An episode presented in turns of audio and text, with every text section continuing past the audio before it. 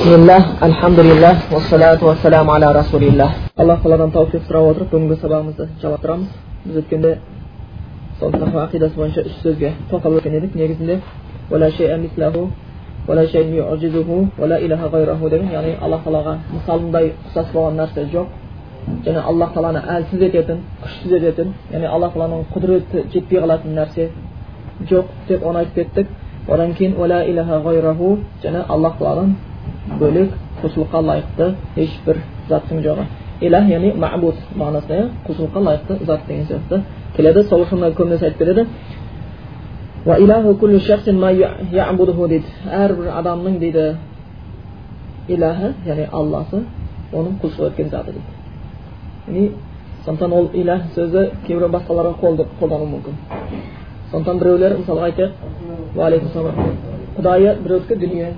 Біреудің құдайы атақ біреудің құдайы нәпсінің қалаулары біреудің құдайы әйел біреудікі киім деген сияқты келеді динар деп келетін хадис бар ғой динардың ақшасы көйлектің ақшасы бақытсыз болды деген сол сияқты олар абдуд динар динар деп келетін хадисте яғни сол динардың құлы несінің құлы яғни бақытсыз болды деген киімнің құлы соның негізінде абд деген сөз енді құл деген мағына иә бізде аударып жатыр ол негізі дұрыс мағынада аударылған қазақ тілінде сосын құлдың істейтін ісін біз құлшылық дейміз сондықтан ол құлшылық деген және құлдың құдайға арнап істеген істерін құлшылық деп қоямыз осы үш мәселеде тоқталып өткенбіз одан кейін сіздерден шура сүресінің он бірінші аяттарын қарап жаттап алуларыңызды сұранғанбыз иә жаттағандарыңыз бар шығар иә шура сүресінің он бірінші сосын он бірінші аят шура сүресінің осыны өте қажеттілік туады деп бұл аяттың өзі екі бөлімнен тұр негізі яғни аллах тағаланың мысалындай нәрсе жоқ не аллах тағалаға ұқсайтын ешбір нәрсе жоқ бірінші. Екіншісі яғни не? Естуші басир көруші осы аят өте керек болады себебі біз білеміз муаттила мумассила деген муауила деген сияқты көптеген жахмия мутазила деген сияқты көптеген нелер шыққан иә топтар шыққан кейін мысалы имам матуриди бөлініп жатады бір нәрсеге себебі олардың өздерінің ұстанымында соған байланысты кейбір өзгерістер кейбір сипаттарды жоққа шығару муаттила дегеніміз аллахтың кейбір сипаттарын жоққа шығарушы қауымдар бар мумассила дегеніміз аллахтың сипатын адамның сипатына ұқсататын топтар болған. Сондықтан осы аят көбінесе өте көп жерде жауап ретінде келіп отырады соларға. Соларға жауап ретінде келіп тұрады. Мысалға ә, бір мумассилалар болған солар аллахтың кейбір сипаттарын адамның сипаттарына ұқсатқандар болған. Яғни келеді ә, кімде кім дейді? Аллахты жаратылған заттарға ұқсататын болса сипаттарын беретін болса яғни аллахтың сипатын жаратылыстардың сипатына беретін болатын болса ол яғни назирул яхуд дейді яхудилерге ұқсаған болады яхудилер кей кезде сөйтетін болған сондықтан кей кезде көресің тіпті осы аралас кезінде және совет үкіметі кезінде мына дін тану деген сабақтар болған иә совет кезінде оларды арнайы дін тану сабақ болған атеизм болған бірақ атеизм қатарында исламды христианды будданың шығуын олардың өтірік екенін ол апиын дін апиын деген сияқты сондай нәрселермен үйретуге сондай арнайы кітаптар болған бір жолы өзім оқитын бір оқу жайында бір мұғалім ежелден әйтеуір сол дінтанудан сабақ береді екен қолында діни кітап бар екен сосын бір жолы ислам жайында дінтанудан сабақ беріп жатыр бір қараған кезде дұрыс айтып жатқан сияқты пайғамбарымыздың туған жылы оны дұрыс айтады бес жүз жетпіс бір деп оны пайғамбарымыздың қайтыс болған жылы оны айтады қай жақта туғанын айтады әкесін айтады шешесін айтады меккеде болған оны шығарған дін кейін оның соғысқанын бәрін айтып келе жатады енді бәрі дұрыс сөйтіп сөйтіп жатады да кейбір жерлерін және айтады. Оны тыңдаған адам пайғамбарға махаббат емес жек көрініш пайда болады. Арнайы қосылған. Не дейсің? Пайғамбар алейхисалату вассалам алты жасында айша дейтін қызға үйленіп алыпты. Сөйтіп не деген сұмдық деп қояды да. Адам ойлана келуі мүмкін сол кезде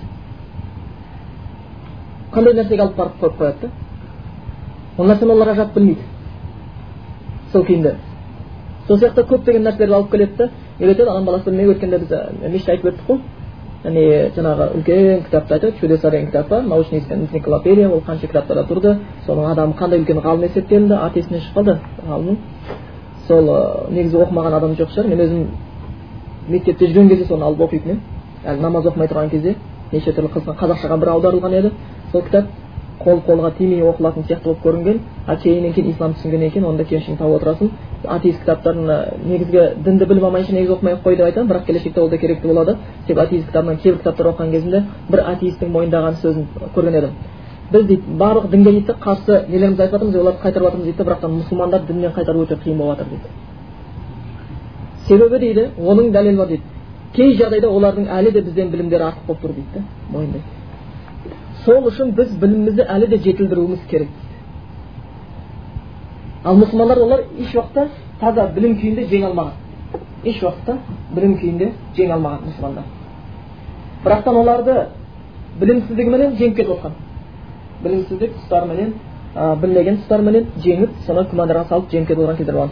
Сондай бір кездерде шыққан жаңағы кітап мұғалім оқытып жатыр соның ішінде және бір. Екен аллах тағаламен есепке ұшыраған фақих аллах тағала мен хазіреті әлі мұсылмандардың нелерін алып келген да фақих деген мұсылмандар қолдады сөйтіп жаңағы орысша кітап енді тақырыптарға бөліп жазған сосын жаңағы кісі сабақ бере бастады содан кейіннен кейін біз оған сұрақ қоя бастадық бір аллах разы болсын сол мұғалімге өзінің ұсынысыменен сол өзінің сабағын бізге өткізуден сұрамыз деп түсінді исламды тек қарапайым нәрсе емес өте күрделі маңызды бір ойдан құрылған адамның ойлап тапқан заң емес аллахтың түскен заң екенін түсіне бастады да содан сол пәнді бізге берді кейін соның беріп жүрген кітабын біз сұрадық бірнеше жыл сабақ беріп жүрген саған кітабын авторы есімде жоқ бірақ еврей еді сол кісінің кітабын алдық оқыдық сонда кейбір мысалдар көрген кезде адам қатты шошиды да еврейлердің аллах тағаланың сипатын адамға беретін деген нәрсе себебі оларда көресіз кей кезде аллах тағала кәдімгі жер бетінде жүре береді оларда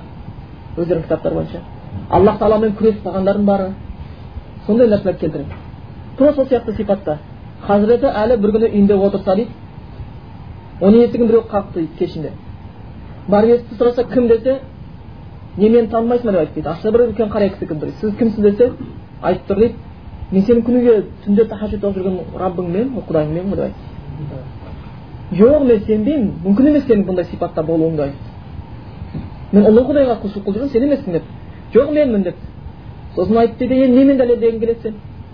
Өзіңнің құдай екенін деп. Мен пенденің қалағанын берушімін деп.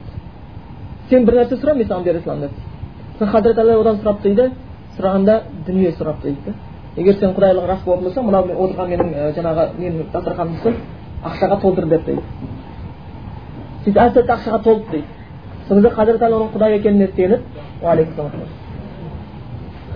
арқасынан қағып сен расында құдай екенсің деп айтқан екен дейді. Өте ауыр мысал өте ауыр мысал негізінде шындап келген кезде бұныменен олар бірнеше нәрсені біріншіден өздері адасқан сияқты аллахты кімнің кейпіне келтірді? Адамның кейпіне келтірді.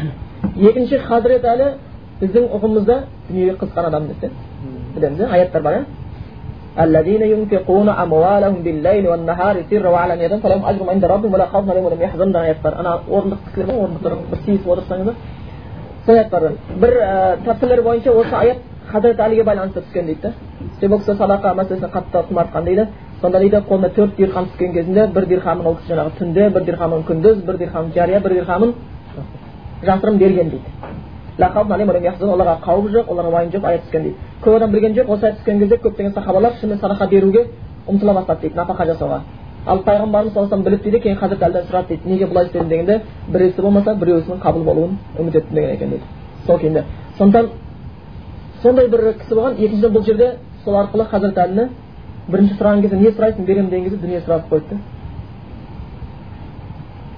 үшінші мысалын жазған не дейді хазірет сол кезде сеніп оның арқасынан иә деп арқасынан қақты дейді да сөйтті да бұл жерде нені алып келді күлкі алып келді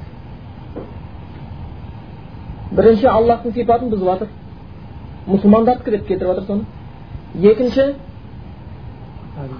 хазірет дүниеге құмар қызып қойып жатыр үшінші күлкі келтіріп жатыр сондықтан немқұрайдылық негізі дінде немқұрайдылық көбінесе дін мәселесінде неге алып келеді иманның әлсіреуіне алып келеді ол адамды діннен шығару оңай болады сондықтан осындай тұстармен де келген себебі нақты дәлелдермен діннен шығару өте қиын болған бұл айтып кетті сондықтан аллахқа тән кейбір сипаттарды адамға беру ол яхудилерге ұқсаған сияқты тура осы сияқты нәрсе бірақ кейбір ғалымдар оны бөліп алып жатады яғни сифат әл махлуқ дейді махлуқтың сипатын аллахқа беру ондай да бар оны христиандардың назирул насара дейді бұл христиандардың мысалы сияқты дейді себебі олар яғни исаны құдай дәрежесінде көрді әтес бөліп жатты сөйтіп көрді соны жаңағы оған сиынып оған құлшылықтар арнай бастаған болатын сондықтан біз өткенде осы нені аятты шура сүресінің он бірінші аятын жаттап алуды есте болуды қатты сұранды себебі деген ол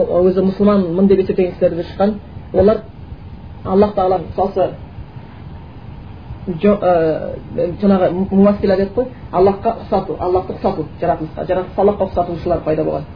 Сонда оларға бұл жауап аллаға ұқсайтын нәрсе жоқ та. Бірінші жауап болады енді біреулер болған аллахты жаратылысқа ұқсатып, ұқсатып алмау үшін одағы аллахқа тән сипаттарды жоққа шығара бастаған деген мысалы қол аллахтың қолы бар. Аллахтың жүзі бар. Аллах тағала аршыда истауа мәселесі сол мәселелерді болмаса аллах тағала әрбір түнде түннің үштен бір бөлігінде не қылады түседі құлдарынан кім сұраса беремін дейді кешірім сұрағанға беремін дейді тілеңдер беремін дейді сол хадис бар осы хадистегі түседі деген нәрсені дүниенің аспанына түседі дегенді жоқ деп келтіретіндер бар себебі олардың айту бойынша неге бұлар ойлады аллах тағаланы пәктейміз деп сөйлей бастады егер аллах тағала түседі деп айтсақ онда біз оны ұқсатып қоямыз дейді да мақұлыққа онда мақұлық дейді түсіп онда бір нәрсеге мұқтаж болып қалады түсуге мұқтаж болып қалды дейді егер аллах тағаланың қолы бар десек онда ұқсап қалады дейді адамға қайтадан адамға ұқсап қалады дейді да сол сияқты аллахтың жүзі бар десек және ұқсайтып қоямыз адамға дейді да бірақ сөйте тұрып олар аллах тағала самиун әлимун қадирун деген сипаттарын жоққа шығармайды аллах тағала біледі естиді хабардар хабирун көреді деген сипаттарын жоққа шығармайды себебі бұл құранда анық келіп тұр бұлар соны жоққа шығармайды енді соларға сұрақ қойсақ кейбір дейді бір сөздер бар ол жаңағы қолдана береді екі жаққа да қолдана беретін бір сөздер бар муштарак яғни ортадағы сөздер бар екі жаққа да келе беретін жаратушыға да жаратылғанға да қолдана беретін сөздер бар мысалға айлм ілім сөзі жаратушыға да жаратылғанға да қолдана береміз дұрыс па біз айтамыз фуланун алим пәленше ғалым алла тағала да біледі деген сипат айтамыз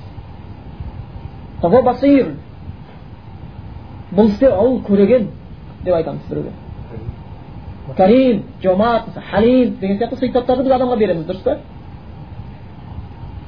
сондықтан осы сипаттарды береміз олар осы сипатта аллахта бар дейді сондықтан осы сипаттарды беретін бұл дейді бұл сөздер дейді аллах тағалаға да адам қолданған кейін ортадағы яғни ортада қолданатын сөздер болып табылады дейді бірақ осы сөзді бұл сөзді жеке күйінде ешқандай біз ештеңе ажырата алмаймыз ілім деген кезде ештеңе жатпаймыз адамға болмаса ражулун алим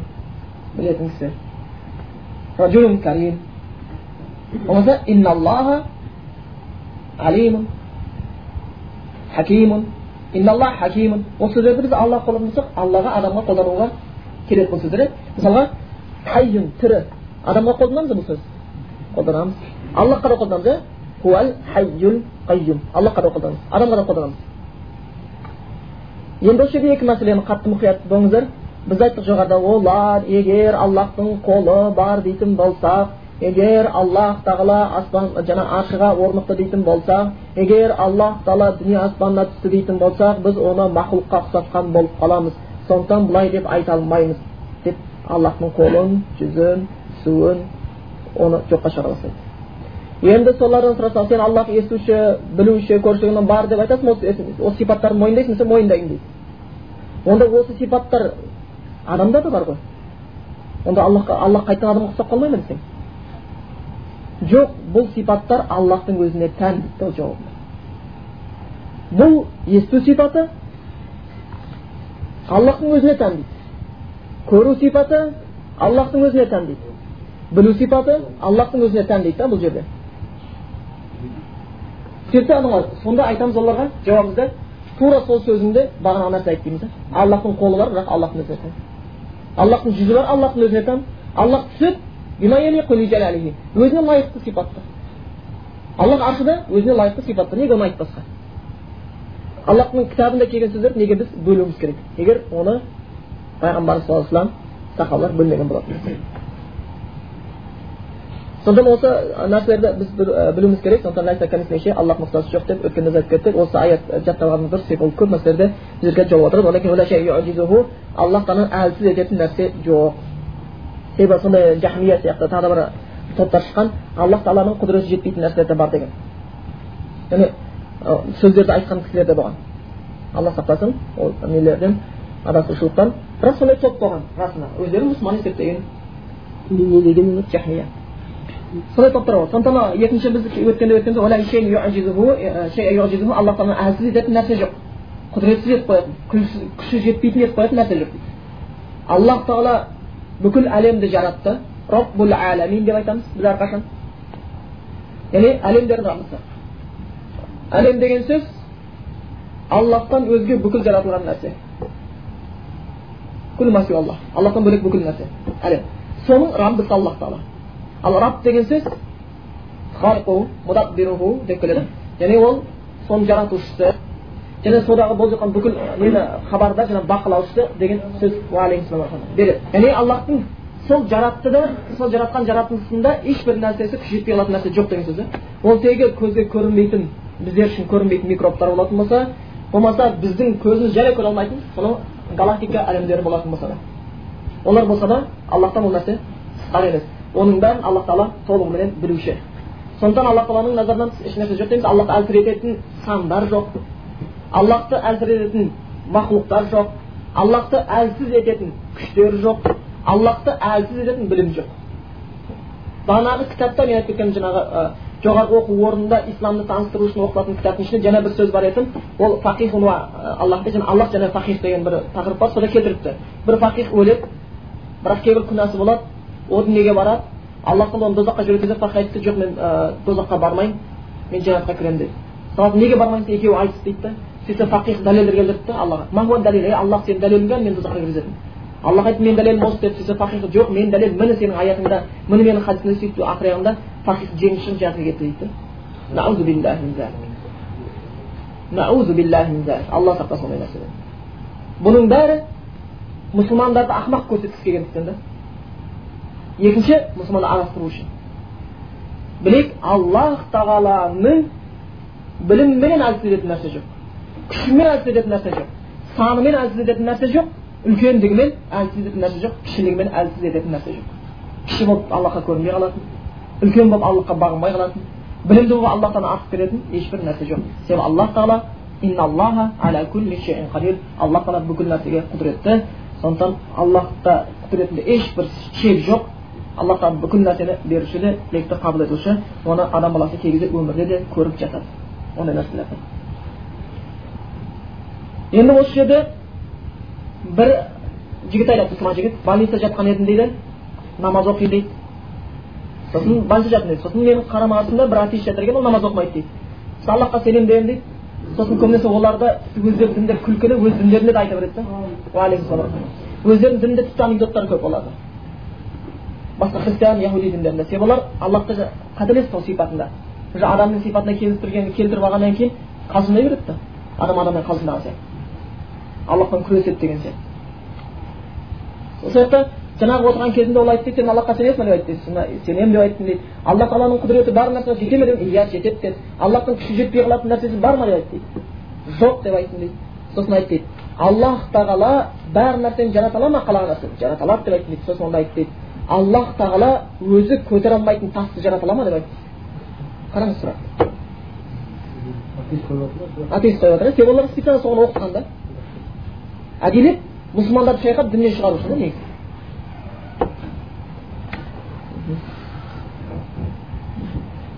Сондықтан осындай нәрселер болып жатқан әрқашанда ескеріп білуіміз керек. Ол нәрсе сонда айтты аллах тағаланың құдіреті бар нәрсеге жететін болса аллах тағала бар нәрсені жарата алатын болса аллах тағала өзінің көтеруге шамасы жетпейтін тасты жарата ала ма деген сұрақ қойды бұл жерде негізі сұрақ қоюшы аллах тағала танымының өте төмендігі аллахты аллахты керекті дәрежесінде олар бағалай алмады дегенді керекті дәрежесінде аллахты бағалай алмады деген екен сондықтан осы нәрселерге ықтият болуымыз керек аллах тағаланың бар нәрсеге жаратуға да шамасы жетеді бар нәрсеге құдіреті жетеді аллахтың құдіретіне жетеді жоқ ол бұл жердегі бұл сұрақты қойған кезде аллахты қайтадан неге ұқсатып тұр мақұлыққа ұқсатып тұр сен мақұлықта сондай нәрсе бар адам істей алмай қалатын нәрсесін айтайық штанга тұр штангіге көтере алмайтын нәрсесін салынады және көтере алмай қалады ол тура сол сипатты аллахқа апарып ойлап тұр да қайтадан бұл жерде ол аллахты адамға ұқсатуды алып келіп тұр сонда біз білеміз аллахтың мысалындай нәрсе жоқ расында ол көреді ол естиді құдіреті жетеді бірақ біз сияқты емес себебі сол көргенін де бізге ұқсамайды сол құдіреттілігін де бізге ұқсамайды сол білгендігін де бізге ұқсамайды аллах тағала сондықтан аллах тағаланы біз өткенде мысалдай нәрсе жоқ дедік. Аллахты әзіз ететін нәрсе жоқ және уәлә иляха ғайраху бұл өте керекті нәрсе бұл негізгі таухид бүкіл пайғамбарлардың келгені сол аллахтан өзге құлшылыққа лайықты ешбір нәрсе жоқ. Себебі бұл өте көп қайталанып отырады. Бүкіл халыққа біз пайғамбар жібергенбіз бір аллаға құлшылық қылсын деп және де аллахтан өзге нәрсеге сыйынбасын деп. Себебі пайғамбарлар келген кезде айттық әрқашан өздерімен үш нәрсе алып келіп жатқан бірінші таухид бір аллаға құлшылықты үйрету үшін келіп жатқан екінші олар шариғатты үйретеді закондар үшінші әл уаду уәл уаид яғни сүйіншілеу мен ескертулерді алып келіп отырады пайғамбарлардың міндеттерінде осы үш нәрсе үш тақырып әрқашан болады сондықтан соның бірі біріншісі ол таухид тақырыбы әрқашанда бір аллахқа құлшылықты үйрету үшін келеді аллах тағаланың елшілері екінші шариғаттары үшін келеді шынымен де бүкіл шариғатты біз исламнан табамыз иә қазіргі кезде бүкіл сұрақтарды исламнан қарауымызға болады біз ұйықтап тұрсақ та оны не істеп не айтуымыз керек екенін біз шариғаттан қарай ақсақ біледі. Біз туалетке барсақ та шариғаттан тауып алып келе аламыз деп істерінде болған барлық істерді. Сондықтан екінші шариғатты үйретуге келді. Үшінші олар сол шари аллахқа серік қоспаған адам егер аллахқа серік қоспаса және салихалы істерді істейтін болатын болса оларды сүйіншілеу үшін келді. Оларды аллахтың разылығына жететініне олардың аллахтың қасында үлкен сыйлар күтіп тұрғанына олар үшін жәннат бар екеніне сол жәннаттың ішінде небір адам көзі көре қоймаған құлақ естімеген әлі адам ойына келмеген нәрселердің бар екенін сүйіншілеу үшін келген. Және де аллахтың әміріне жүрмегендерді ескерту үшін келген. Және олар жай қорқыту үшін емес шын болатын нәрсені айту үшін келген адамдар. Шын болатын нәрсені айту үшін келген адамдар. Әйтпесе бізде ескертулер бар иә мысалы бір баланы кішкентай бала болатын болса қой қазір қоймасаң басын жұлып аламын қорқу үшін айтамыз басын жұлып алмаймыз ғой дұрыс па сол сияқты осы жерде жай бір не ретінде алып жүр есіме шықмаса свидетель иеговаларды айтады а да нет дейді тозақ жоқ дейді ойдан ғой тек қана жәннат бар дейді өлген адам жаман адам дейді жоқ болып кетеді жақсы өмір сүреді ол құдайға лайықты емес дейді да сен ойлашы дейді да қазір сен құдай емес жай бір адам дейді да плитканың үстіне пештің үстіне бір адам жарып жанған шыққылар былай алмаса былай алмаса сен оны не деп айтасың дейді да оны убийца деп айтасың дейді. Да и сен аллахтан біреуді тозаққа салады деп айтасың дейді. Аллах фаал демей қалағанын істеуші және ол нәрсе бар әркім өзінің лайықты жазасына болады. Сондықтан алла айтады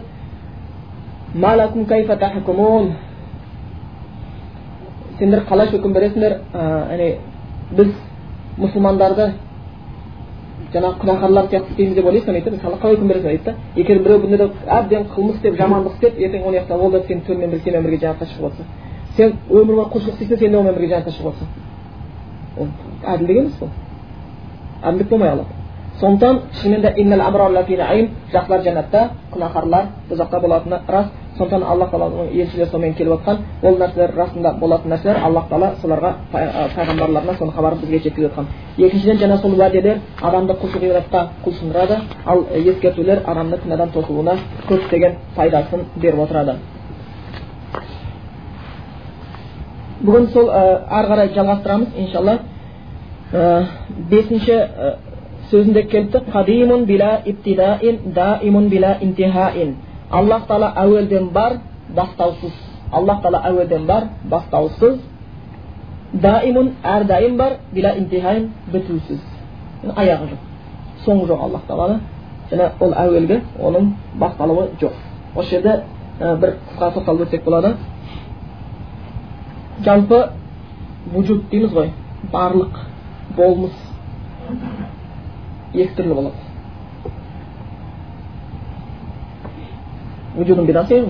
деп келеді өздігінен бар нәрсе және біреудің бар етуімен болған бар нәрсе өздігінен бар нәрсе ол аллах тағала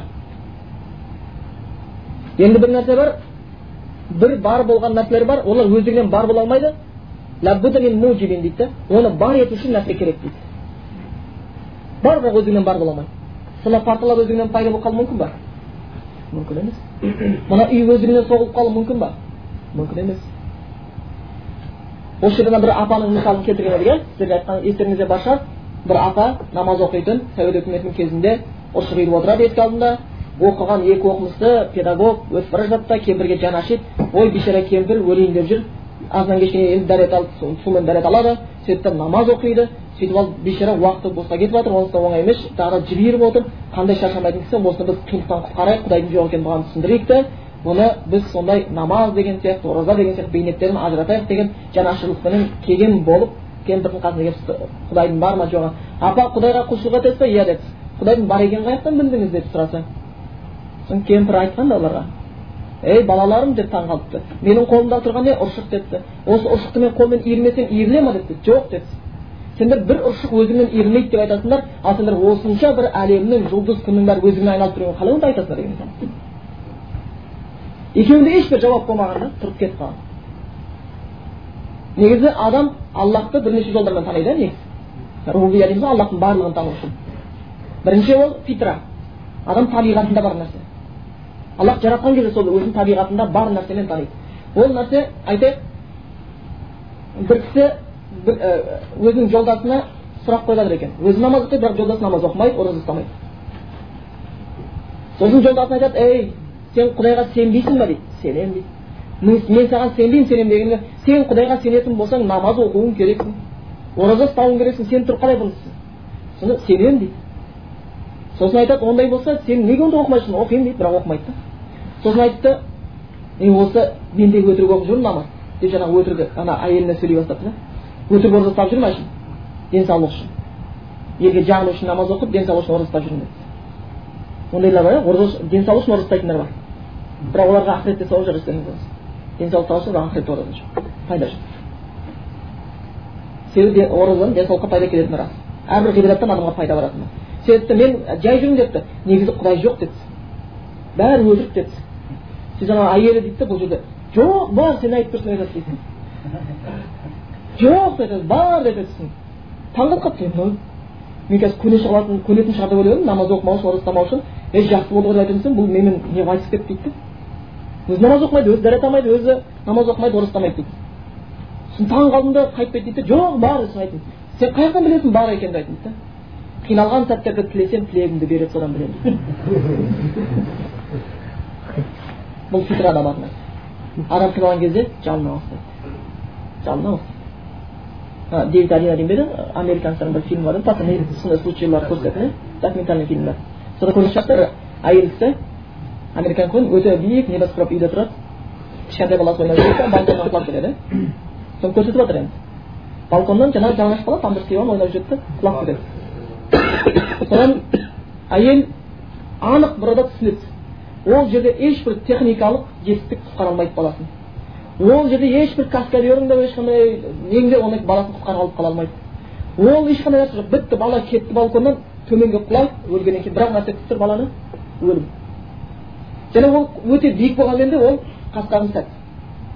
Соның бәрі әйел кісі баласының құлап кеткенін көреді да ана балаға жақын ғой. Ол ораза ұстайтын ештеңке әйел емес дінмен де шаруасы жоқ өзі дінді білмейтін әйел болу керек.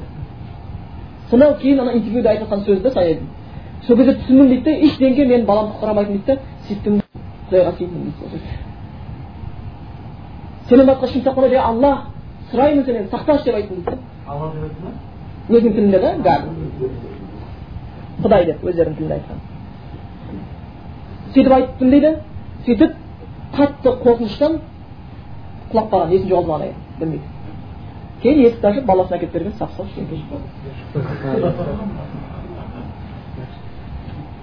сап сау ештеңке жоқ негізі осындай нәрселер адам өмірінде өте жиі кездеседі бірақ сөйте тұрып адамдар көбісі дінге келмей кететіндер бар себебі ол айдаладағы ол дельтарин емес мен өзіміздің қазақ жігіттерден бір кісінің айтқан естісем тепсе темір үзетін жігіт ақылды оқыған өте күшті машинаның да несі ебін біледі жұмыстың да ебін біледі дүниесі де ақшасы да шешесі де әйелі де бала шағасы да бар жігіт бірақ былай айтқанда сөзге тұратын өтірік айтпайтын жігіт бір сондай болады ғой кей кезде қараған жаңағы өзіңнің келбетінің өзі адамға ой салатын жігіт еді сол айтады қатты жақсы көретін досым бар еді дейді табан астына операцияға түсті дейді сөйтіп ол қалаға жетпей бір ауылға больницаға апарып тастады дейді сөйтіп айтып едім дейді оған операция срочно істеу керек әйтпесе сенің досың өледі деп айтты біз машинамен келе жатқанбыз дейді.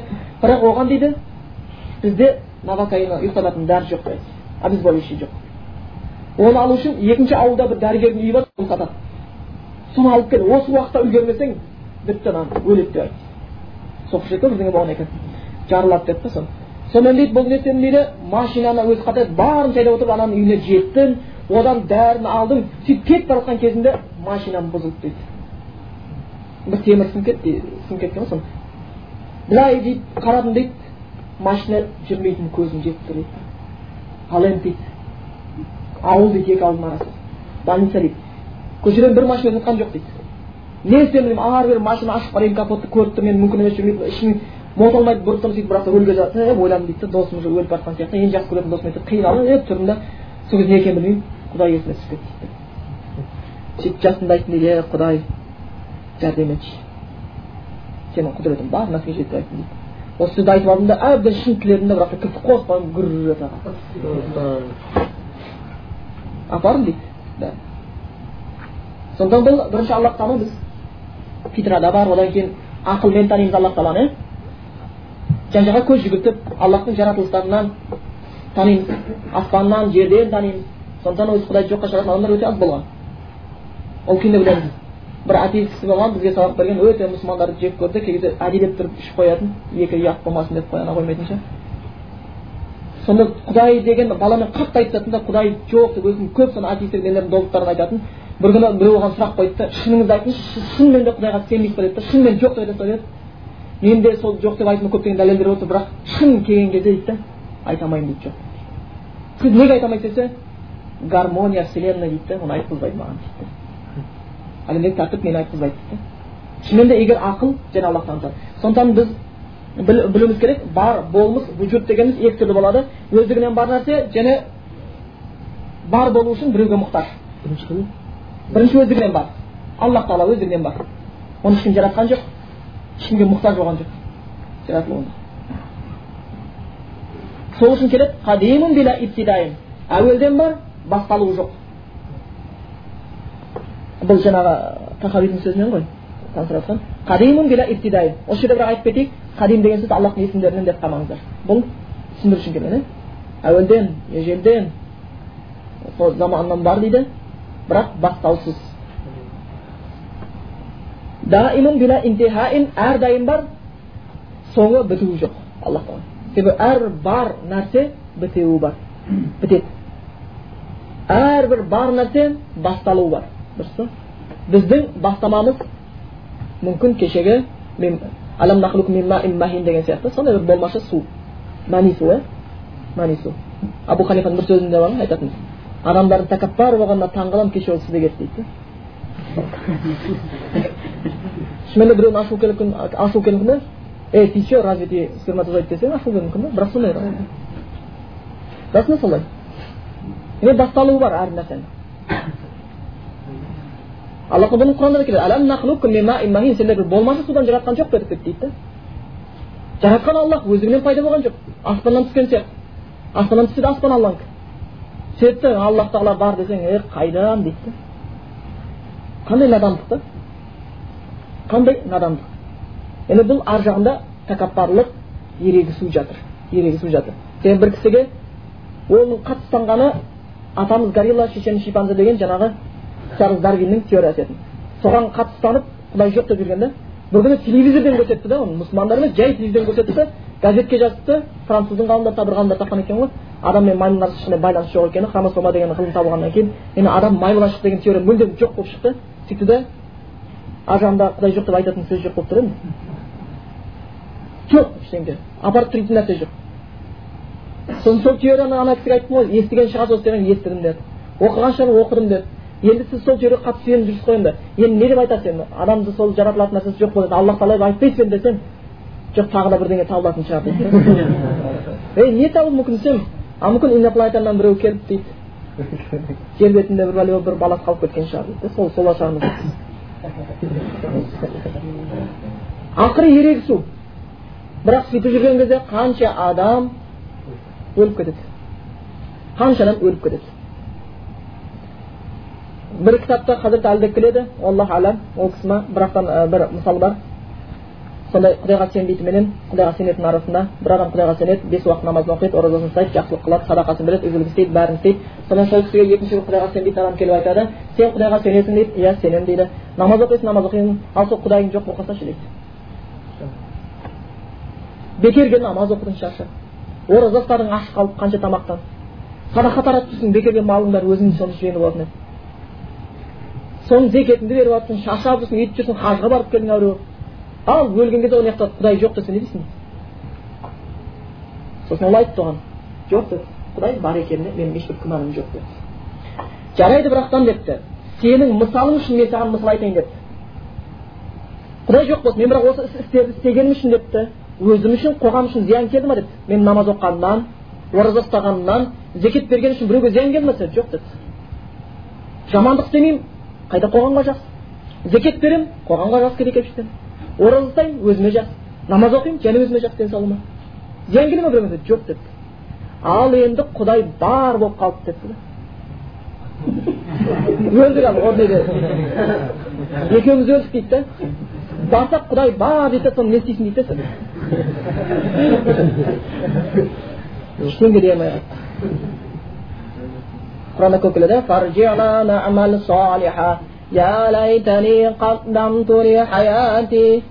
qancha oyatda bor alloh qaytarshi bizni salih amallar deydi alloh bizni dunyoga qaytarshi ya alloh taolo deydi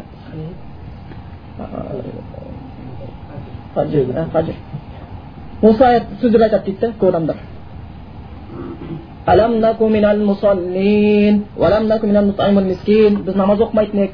міскіндерді тамақтанбайтын едік деп өкініштерін айта бастайды.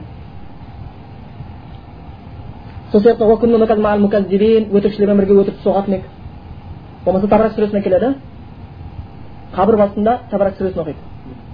Мүлк сүресі көз. Неге десең шырақ дейді. Өліп жатқан адам құдаймен шаруасы жоқ өлді. Бір кісі айтқандай сәуд үкіметі кезінде бір адамды көміпті сәуд үкіметіне берілген әбден адам екі молда дейді біреуі шындықтайтын молда біреуісі сәл кішкене жағып жүретін молда екен. Көміп жатыр бірақтан енді бару керек оларға. Соны мұсылманша олар қанша не қылса да бәрі молдаға келіп жалынатын иә өліктен. Ешкім лақтырып жіберген жоқ бала өлген сол сияқты молдаға келіп жалынатын. Сол көміп жатқан кезде жаңағы бір молда мына байекеңе жағын айтқан екен жұма бейсенбі күні өлді жұма күні жерге жамбасын қойып жатқан ғой. Жаңағы өлген кісінің коммунист па сол. Ой қандай жақсы адам жұма күні өлгендер. Жәннатқа барады деуші еді деп айтты да сөйтсе екінші молда айтты шошқа жұма күні өлмей ма депті шошқа жұма күні өлмей ма депті яғни оның өлген күні емес негізі иман расында ол жұма күні жанында тұрған жақсы болған бір хадис деректер де бар бірақ негізгі иман иман адамды алып келетін сондықтан бұл негізі сөзіміздің мысалында келіп айтып өтіп жатқан мысалдарымыз ғой негізі бар болмысқа айтып кеттік болмыс екі түрлі болады өздігінен бар және біреудің бар болуына мұқтаж нәрселер біз парта аспан жер бұл аллах тағала өздігінен бар бола алмайды біз бұны ақылымыз айтады жаңағы зәруліктен ақылымыз міндетті түрде айтады бұл яғни есте нәрсе енді қағида бұны даже философ бар бір нәрсе бар болса бар етушісі бар жаратылған нәрсе бар болса жаратушысы бар бұл қағида қатып қалған қағида ондай болатын болса сондықтан көбінесе осы дүниенің жаратушысы бар деп рубияда қарсы шықпаған тек қана сәл сондай бір уақыт пайда болды ол сәл ақыл адам сана сезімінің өте төмендеген кезі да бұл дәуірлеген кез емес өте төмендеген еді ақыл адам сана сезімінің өте төмендеген кезде сондықтан бар нәрсе болатын болса оның болдырушысы бар жаратылған нәрсе болатын болса оның жаратушысы міндетті түрде болуы керек болып тұрады екен енді осы бар нәрселер екі түрге бөлінеді біреу бар бірақ кейіннен бар болған дамиды бар кезінде біз кеше бір болмашы су едік мәни суы кейін ананың бойында ұйыған қан болдық кейін бір кесек ет болдық кейіннен кейін алла тағала тәнімізді түгендеді кейін жәнін берді кейін дүниеге келдік кішкентай бала болдық өстік өндік біздің басталуымыз бар біз қай жаққа баратырмыз қайтадан өлімге баратырмыз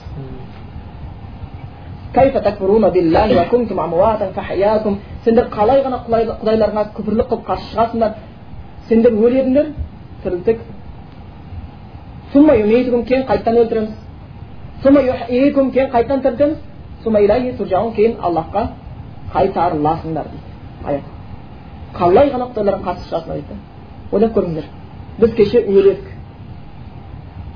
мертвый едік құдай тірілдік дейді қалай ғана құдайға қарсы келесің дейді да қайтадан өлтіреміз дейді біз қалағанша өмір сүре алмаймыз қайтадан тірілтеміз ана сонда екі өлім екі тірілу болып тұр иә екі өлім тұрған нәрсе бірінші өліп кез одан кейін адам баласы қайтадан тірілді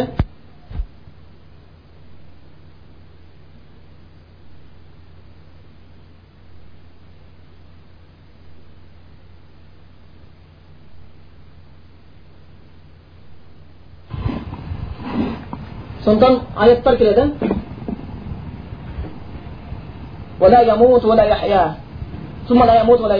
олар тозаққа түседі одан кейін олар онда өлмейді деп тірілмейді дейді жаңа бір аятта бар жан жағынан өлім келеді бірақ өлмейді дейді алла сақтасын айтады бұл дүниенің азабынан көрге қашып құтыласың ал ол дүниенің азабынан қайсы жерге қашып құтыласың дейді адамдар ойыншық көреді бұл дүниеде айтайық сені біреу келіп азаптады сені шыжырылған майға тастады. Шыжырылған майға тастады. Сен қиналуың мүмкін. Сені арамен келіп аралап жатыр сен қиналуың мүмкін. Сені пышақпен келіп бауыздап жатыр сен қиналуың мүмкін. Сені келіп таспен ұрып мыжлап жатыр қиналуың мүмкін. Қай кезге келген қиналасың кеудеңнен жан шығып кеткенше кейін болды бірақ өлімді көретін сен себебі адамның шыдау мерзімі бар. Шыдамдың да шегі бар. Шыдамайды жан шығып кетеді ауыртпашылық бар. Арғы ауыртпашылықты көтере адам баласы арғы ауыртпашылық не күнә жан шығып кетеді көтере алмайтын болғандықтан. Енді ол жерде нелер бар? Азаптар бар. Ол да не күнә бірақ жаны шықпай қояды ойлаңыз. Иә. Жан жақтан келеді дейді өлім. Бір өлім емес. Бұл жақта сен бір ақ өлім келуі мүмкін адамсың. Майға салып жібердің өлім келді сен бір секундта бір ақ өлім көруің мүмкін. Қатты тоқ болатын болса қатты жарылыс болатын болса. Ана жақта сен бір секундта мыңдаған өлім көресің бірақтан жаның шықпайды. Сондықтан шынымен де бір кісі айтқандай моншаның қатты ыстығында отырған кезде ең тынышы намаз оқып тыныш жүрген артық екен. Ол жерде бір парға шыдай алмадық ол жерде қалай шыдар екенбіз деген сияқты сондықтан оған қатты неміз керек сонда біз біздің бар етушіміз бар бірақ аллах тағала бар бірақ оның бастамасы жоқ бұны пайғамбарымыз саллаллаху алейhi хадисінде көреміз бұны аяттар бар аллах тағала аллах тағала әуел ол соңы деп келеді аяттар бар жаңағы пайғамбар айтады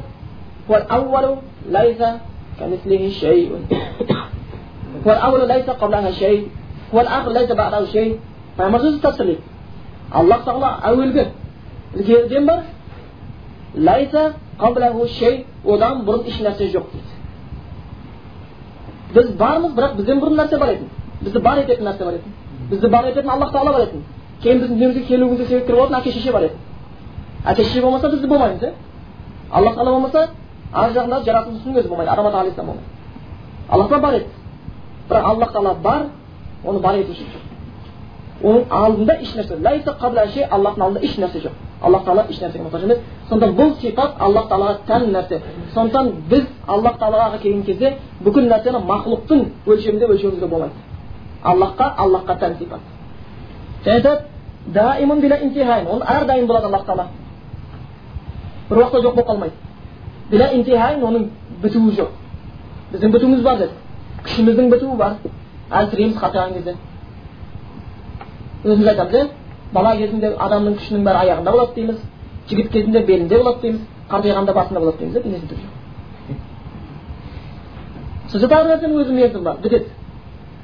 Ал аллах тағала мерзімі жоқ. Аллах еш уақытта бітпейді ақыры жоқ.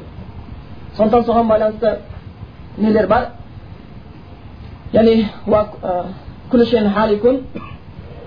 аллахтан өзге нәрсенің бәрі жоқ болады жойылады деген аяттар бар. Жер үстіндегі бүкіл нәрсе жоқ болады жойылады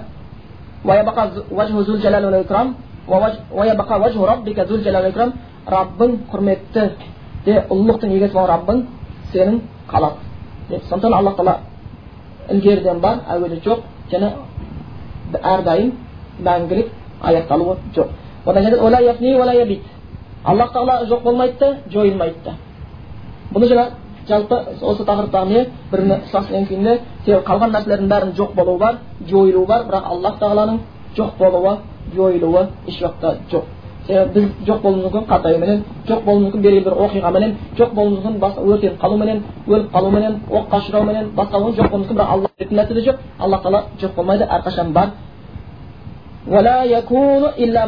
Және аллахтың қалаған нәрсесі ғана болады. Қаламаған нәрсесі болмайды. Бағана жахмияр айтып кеттік иә аллахтың құдіреті жетпей қалатын нәрселер де бар дейді да аллах тағала тағдырды бекіткен қайтадан қайда шамасы жоқ біреу тозаққа да жазып қойды енді қайтадан жәннатқа кіргізу шамасы жоқ шығасың алла қалағанын істеуші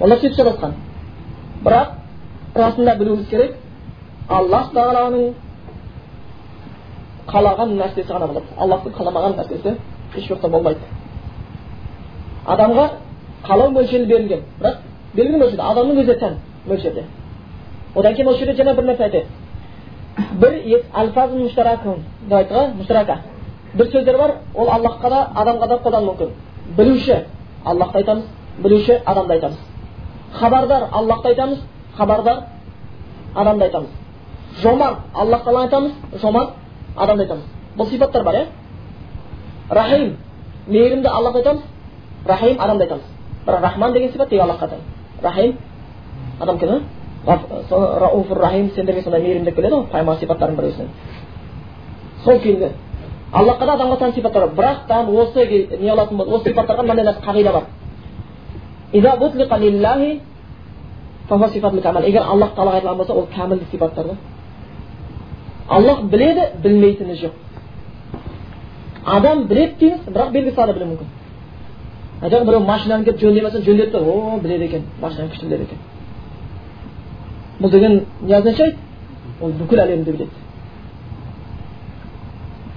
бір есепті шығара алмай жатсаң бір математик келді шығарып берді о біледі екен дейміз бірақ не означает ол бүкіл әлемді біледі білмейтін де көп иә бүкіл әлемнің тартылыс күшін тапты ньютон біледі екен иә оқып зерттеп бірақ білмейтіні көп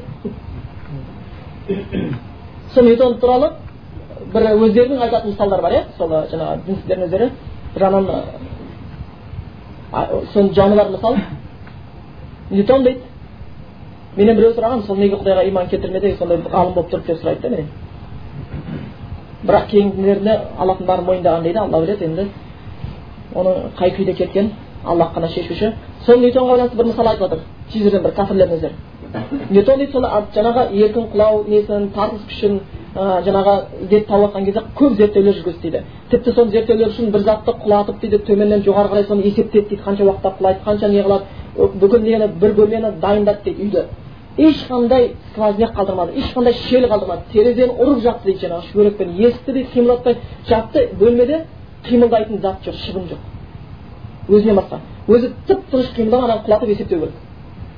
Сөйтіп бәрін істеп жауып жауып уф болды ма енді түк жоқ па деп масқара еңбек кетті да терлеп тепшіп өзі ғалым адам спортсмен емес терлеп тепшіп біткеннен кейін енді бастайын десе бөлмеде екі мышық жоқ қалып кетті дәу мышық пен кішкентай мышық енді есіктің қағып тастаған терезені қақтым терезені есіктен ашса бәрін ашу керек көбісін ашу керек не істейді ойланып тұрады а таптым дейді кішкентай ғана тесіктен шығару керек дейді да сөйтіп қабырғаны екі тесік кеседі үлкен тесік кішкентай тесік үлкен тесіктен дәу па кішкене тесіктен кішкене ми жетпей қалды да бірақ ол әлемдік тартыс күшін тапты бірақ дәу тәртіптен кішкентай тиіп кететін есі яғни адам білуі мүмкін сондықтан аллах тағалаға жаңағы берілген сипатта аллах тағалаға арналған есімде ол кәмілдікті білдіреді аллах біледі білмейтіні жоқ аллах тірі өлмейді бақи мәңгілік аллах құдіретті оның құдіреті жетпейтін нәрсе жоқ тура сол сипат адамға айтатын болсақ адам біледі бірақ білмейтіні көп имам шафи мен білген сайын өзімнің адам екенін таныдым дейді сол енді адам баласына күші болуы мүмкін бірақ бәріне күш жетпейді бар нәрсеге күш жетпейді дұрыс па сол сияқты адам жомарт болуы мүмкін бірақ оның қолында бүкіл нәрсе тұрған жоқ онда таусылып қалады алла тағала сендер егер бүкіл жердегі адам болсын үшін бәрін жиналып келіп менен тілек тілеп сұрасаңдар дейді бәрін қалағанша тілектерің таусылғанша сұрасаңдар беремін дейді бірақ менің мүлкімнен ештеңе келмейді дейді сенен қазір үш адам келіп сұрасыншы күлкің қалмайды бір адам сұраған кезде әрең ішіп отырады иә қазір заманда иман сөз біреуден нан бер деген сөз жан бер деген сияқты естіледі да зәресі жоқ сондықтан аллах тағала оның бұл дүниеде оның қалаусыз ешнәрсе болмайды дедік ә, сол жаңағы айтып кеттік алла ілгеріден бар оның әуелі жоқ. Алла тағала мәңгілік оның бітуі жоқ. Алла тағала жоқ болмайды да жойылмайды да. Және алла тағаланың қалауынсыз ешнәрсе болмайды дедік бүкіл нәрсе алла тағаланың қалауымен болады. Бұл дүниеде сондықтан ә, жаңағы адамға жаңа осы жерде айтып кеттік білім бар. Аллаға берілген ә, адам мақұлыққа арнайтын болсақ бір есімді онда мақұлыққа ол кемшілігімен нақыс денеді дейді. Ал алла тағалада билкамал дейді. Аллахқа берген есімде аллахта кәмілдікті білдіреді адамға берген есімде ол нақысты білдіреді сол енді сондықтан адамға және де қалау аллах тағала қалу бүкіл қалау бар аллахтың қалаған нәрсесі болады аллахтың қалаған нәрсесі болмай қалатын нәрсе жоқ бірақ адамда да қалау бар ирадатын жүзиятын дейді аллахта да ирадатын күллия аллахта барлық қалау бар адамда қалау бар бірақ ол бүкіл нәрсесі бола бермейді дұрыс па біз бүкіл қалаған нәрсеміз өмірде бола ма болмайды қандай бір адамдар армандар қоюы мүмкін қаншалықты келешек үміттері болуы мүмкін сондықтан адам жақсы нәрсені дейді ғой мұсылман адамның ниеті істеген амалынан жақсы дейді да сондықтан мұсылман адам жақсы істерді ниет қылып жүруі өте жақсы істермен болып табылады мүмкін оған шамасы жетпей қалуы мүмкін сол күйінде бірақ осы жерде қаралау мәселесі ә, ықтиярменен ықтиярсыз болатын нәрселер бар оны кейін өзінше иншалла жаңағы тағдыр мәселесінде айтылатын шығар. Негізі жалпы тағдыр мәселесінде көп әңгіме етілмейді. Өте қысқа тақырып болу керек.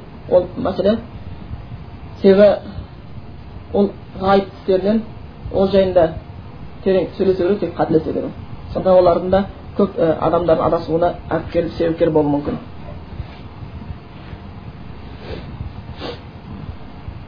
Сондықтан құран аяттар бар жаңа қалауға деген байланысты ол бақара сүресінде айтты.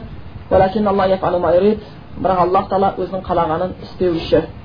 Сондықтан біз уақытымызды ә, некелі бір немен аяқтағымыз келеді өмірде болған мысалдың бірі қарапайым ғана. Кей кезде ә, жалпы іліміздегі адамға аят пен хадиспен айтып отырасың.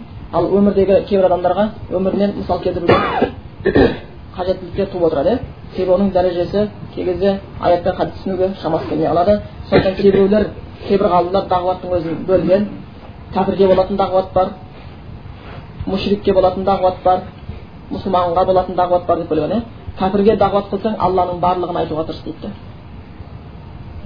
сен ол кәпір құдайға сенбейді ғой аятқа да сен құранға да сенбейді керек емес оған оған аллахтың барлығын айту керек болады мушрикке дағуат қылу керек оған аллахтың бірлігін көп айту керек біздің заманымыз дәл сол заман көп адамдар иман келтіріп жүр бірақ жақтан расында өте аянышты халдар сондықтан оны барынша әрекет қылуымыз керек. Біздің заманымыз осы кезде ал мұсылманға қылатын дағуат бар. Ол құран мен хадис дейді да. Одан артық нәрсе жоқ. Сонда кейбір мысалдар өмірден келтірген болатын болса бұл өзімізге жаңағы сіздерге мысал келтіру үшін айтылып отыр. Себебі адамдар оны шынымен де мойындайды. Бұны ақли дәлелдер дейді нақыл дәлелдер жаңағы кітап дәлелдер ақыл дәлелдері олардың сол ақыл қабылдайды сол дәрежесінде айту уағызды да адамның ақыл дәрежесінде айту ол қажеттілік. Сондай бір мысалдың бірі өздері көп айтады. Дінсіздердің де діндар адамдардың өзі айтатын мысалдардың ішінде бар бір күйеуі жұмыстан қатты шаршап келеді үйіне келеді әйеліне айтады тезірек тамақ ішті ішегім шұрылдап өліп бара жатырмын дейді содан айтады жарайды дейді істейміз қазір дейді сөйтіп жайлап тамағын тураса тез болшы осы елдің әйелі деген масқара тез дейді сен деген былжырап жүресің сен анау аштықты айтқызып жатқан әйтпесе сосын әйел айтады сабыр қылыңыз отағасы құдай қаласа қазір істейміз дейді сосын жаңағы асқар ей болдың ба сен? Иісі шығып бара одан сайын ашып бара жатыр қарның ей болдың ба сен? Әкесі сөйтіп болса жейді. Ей жоқ сабыр қылыңыз ауырып қаласыз құдай қаласа жейсіз қазір сіз бірдеңе десе құдай қаласа жейсіз қазір бірдеңе десе құдай қаласа күйеуі ашуланып кетті сөз қайта бергенде сонда сол тамақты уже сүйініп жатқан кезде құдай қаласа да жеймін қаламаса да жеймін депті да әйеліне ерегісіп айтты да сөйтсе есікті біреу қағады дейді. Сосын барса күйеуіңіз бар ма бар шақыр деп шақырса біле салады тұрар алып кетіп қалыпты біреумен шарастырып алып кетіп қалыпты бір қылмыскер сөйтіп қамауда отырыпты бір жылдай тамақ қалды енді бір жылда тамақ сақтап тұрмай ма енді бұйырмаған екен да енді барынша пісіріп еді бір жылдан кейін босағаннан кейін үйіне түннің ортасына жетіпті да есік қағып тұр дейді әйел сұрайды дейді кім болады десе құдай қаласа күйеуің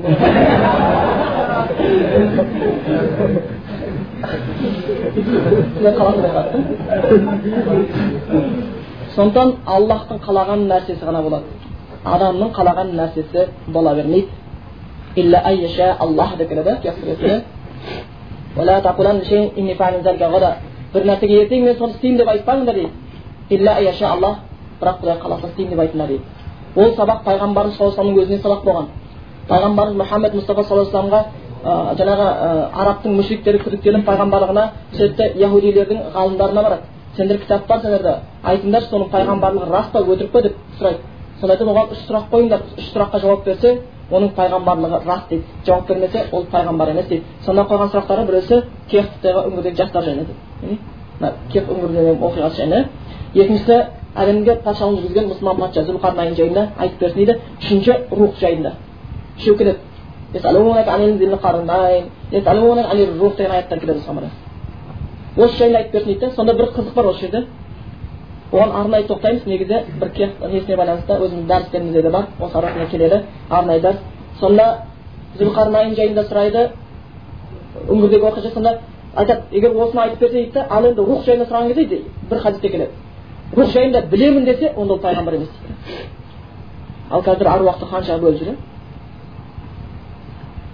ой аруақ бар екен аға аруақ бар екен көмектеседі екен кетіп бара жатқан кезде машинаңды аударып тастайды екен бетін сипап алмасаң біз көзіміздің тірісінде біреуді аяқтан шалсақ күнәға батамыз деп қорқамыз да қараптан қарап тұрып біреуді шалып қалсақ қорқамыз күнәға батамыз деп енді ол көзіміз тіріміз әлі құдайдан енді құдайға жақындаған кезде есепке қабірдің азабын көріп жатқан кезде ол қорықпастан келеді күні біреу тиемес машина аударып тастайды да отыра береді бетін сипап алмадым дейді яғни ақылға сыймайтын нәрселер да.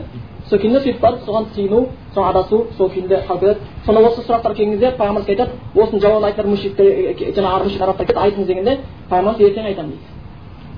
Бірақ иншаллах деген жауап. Содан уахи екен дейді. Пайғамбарымыз расында білмейді. Пайғамбарымызда сауат жоқ етін ақ қараны әріп жазып оқитын пайғамбарымыз білмейді бір мұсылман патшасы туралы зүлқарнайн туралы кехтегі оқиғаны білген емес оны еврейлер ғана білетін оны білген жоқ бұларға пайғамбарымыз саллаллаху алейhi ертең жауап беремін деп айтады бірақ уақит келмей қалады ойлаңыз қандай қиын пайғамбар да аллахтың сүйікті құлы ғой аллах тағала басқалардың алдына мәртебесі түсірмеу үшін берсе болар еді бірақ бұл жерде аллах тағаланың деген бүкіл құдірет аллахтың қолында. Бізде ешқандай күш те өзгерту де жоқ. Бәрі аллахтың қолында деген нәрсені нақты білуіміз қажеттігі. Сонда бұл неде де? Бүкіл нәрсені істей аламын деп алжасып қалмауымыз керек. Бүкіл нәрсе аллахтың қолында. Иншалла аллах тағала біздердің білімдерімізді арттырсын. Өзінің сол жәннатына өзінің разы жеткізетін білімдер нәсіп еткен болсын. Тозақтан құтқаратын білімдер нәсіп етсін.